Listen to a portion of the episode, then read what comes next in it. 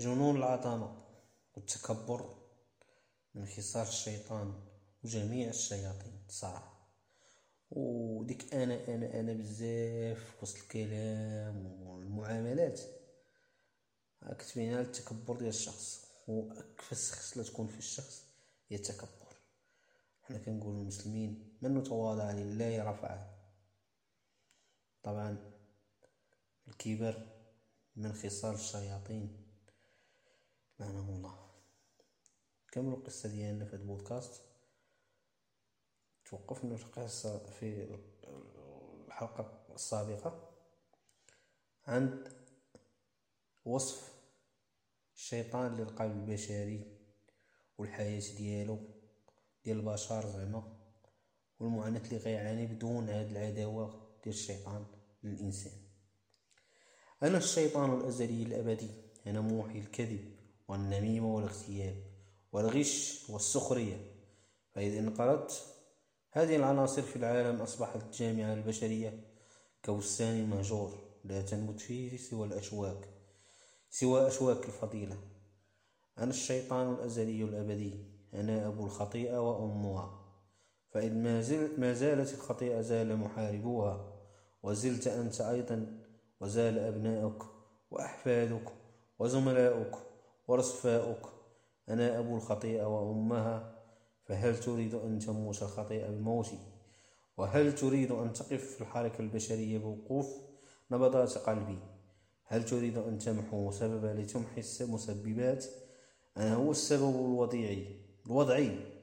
فهل تريد أن أموت في هذه البرية الخالية؟ أجبني أيها اللاهوتي هل تريد أن تنتهي علاقة الأولية الكائنة بيني بينك وبيني من؟ الضعف والهوان وطلب مساعدة التكبر والجنون والعظمة ها هو انتقل الخصلة الأكفس ألا وهي الكيمن منان شخصية منانة. وكيمن بالكتوب والبهوت لا حول ولا قوة إلا بالله. وبسط الشيطان ذراعيه وألوى عنقه إلى الأمام وتنهد طويلا فظهر بلونه الرمادي المائل إلى الأخضرار كأحد تلك التماثيل المصرية التي يبقى الدهر مطروحة في ضفاف في على ضفاف النيل. ثم حدق بوجه الخور سمعان بعينين مشعشعتين كالمسارج وقال لقد أنهكني الكلام وكان الأحربي وأنا جريح منازع ألا أطيل معك الحديث. ومن العجيب أني قد استرسلت بإظهار الحقيقة أنت أدرى بها مني. وبيان الأمور هي وبيان الأمور هي هي أدنى من إلى صالحك منها إلى صالحي. أما الآن فلك أن تفعل ما تشاء لك أن تحملني على ظهرك وتذهب بي إلى منزلك لتداوي جراحي أو تتركني أو أن تتركني تتركني في هذا المكان لأنازع لأنازع وأموت. وكان الشيطان يتكلم والخور سمعان يرتعش ويفرك يد بيد وبصوت تعانقه الحيرة والارتباك. قال أنا أعرف الآن ما لم أكن أعرفه منذ ساعة. فسامح غباوتي. أنا أعلم أنك موجود في العالم لكي تحارب التجربة هي مقياس يعرف الله بواسطة قدر النفوس البشرية بل هي ميزان يستخدمه الله عز وجل ليدرك ثقل الأرواح أو خفتها.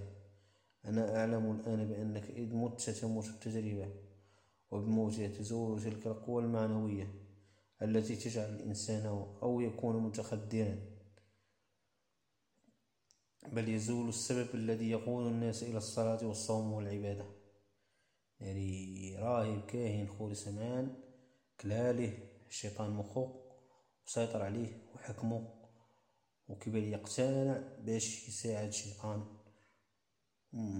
لا حول ولا قوة إلا بالله. يجب أن تحيا لأنك إن قضيت وعرف الناس يزول خوفهم من الجحيم. فيبطلون العبادة ثم يتمرغون بالإثم. من أجل ذلك يجب أن تحيا لأن بحياتك خلاص الجنس البشري من الرذيلة أما أنا فسوف أضحي. كرهي لك على مذبح محبتي للجنس البشري.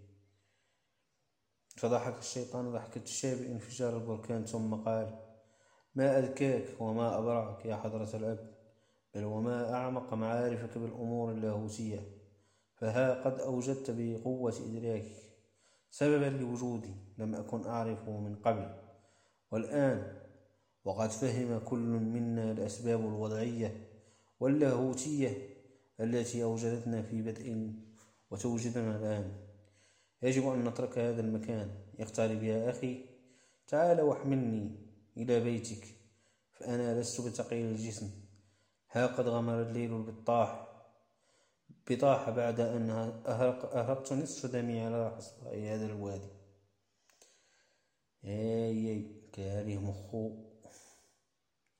فتلهي فاقترب الخور سمعان من الشيطان. وقد شمر عن ساعديه وشكل أطراف عباءته بحزامه ورفع الشيطان فوق ظهره ومشي نحو الطريق بين تلك الأودية المغمورة بالسكون.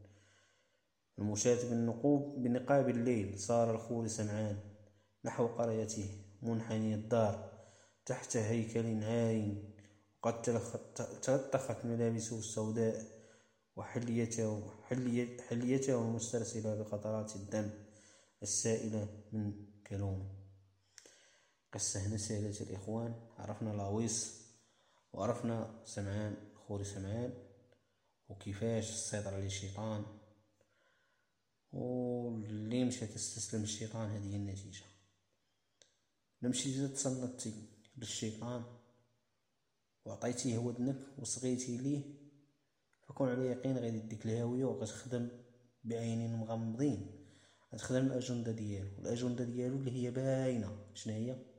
تأذي نفسك وتأذي الناس وتضر جميع المصالح. اخوان تهلاو لي فراسكم نتمنى هذا البودكاست اللي داز ديال هاد قصة لاويس يكون نال الاستحسان ديالكم وعجبكم وغادي نباشر في قصة أخرى إن شاء الله. تهلاو لي فراسكم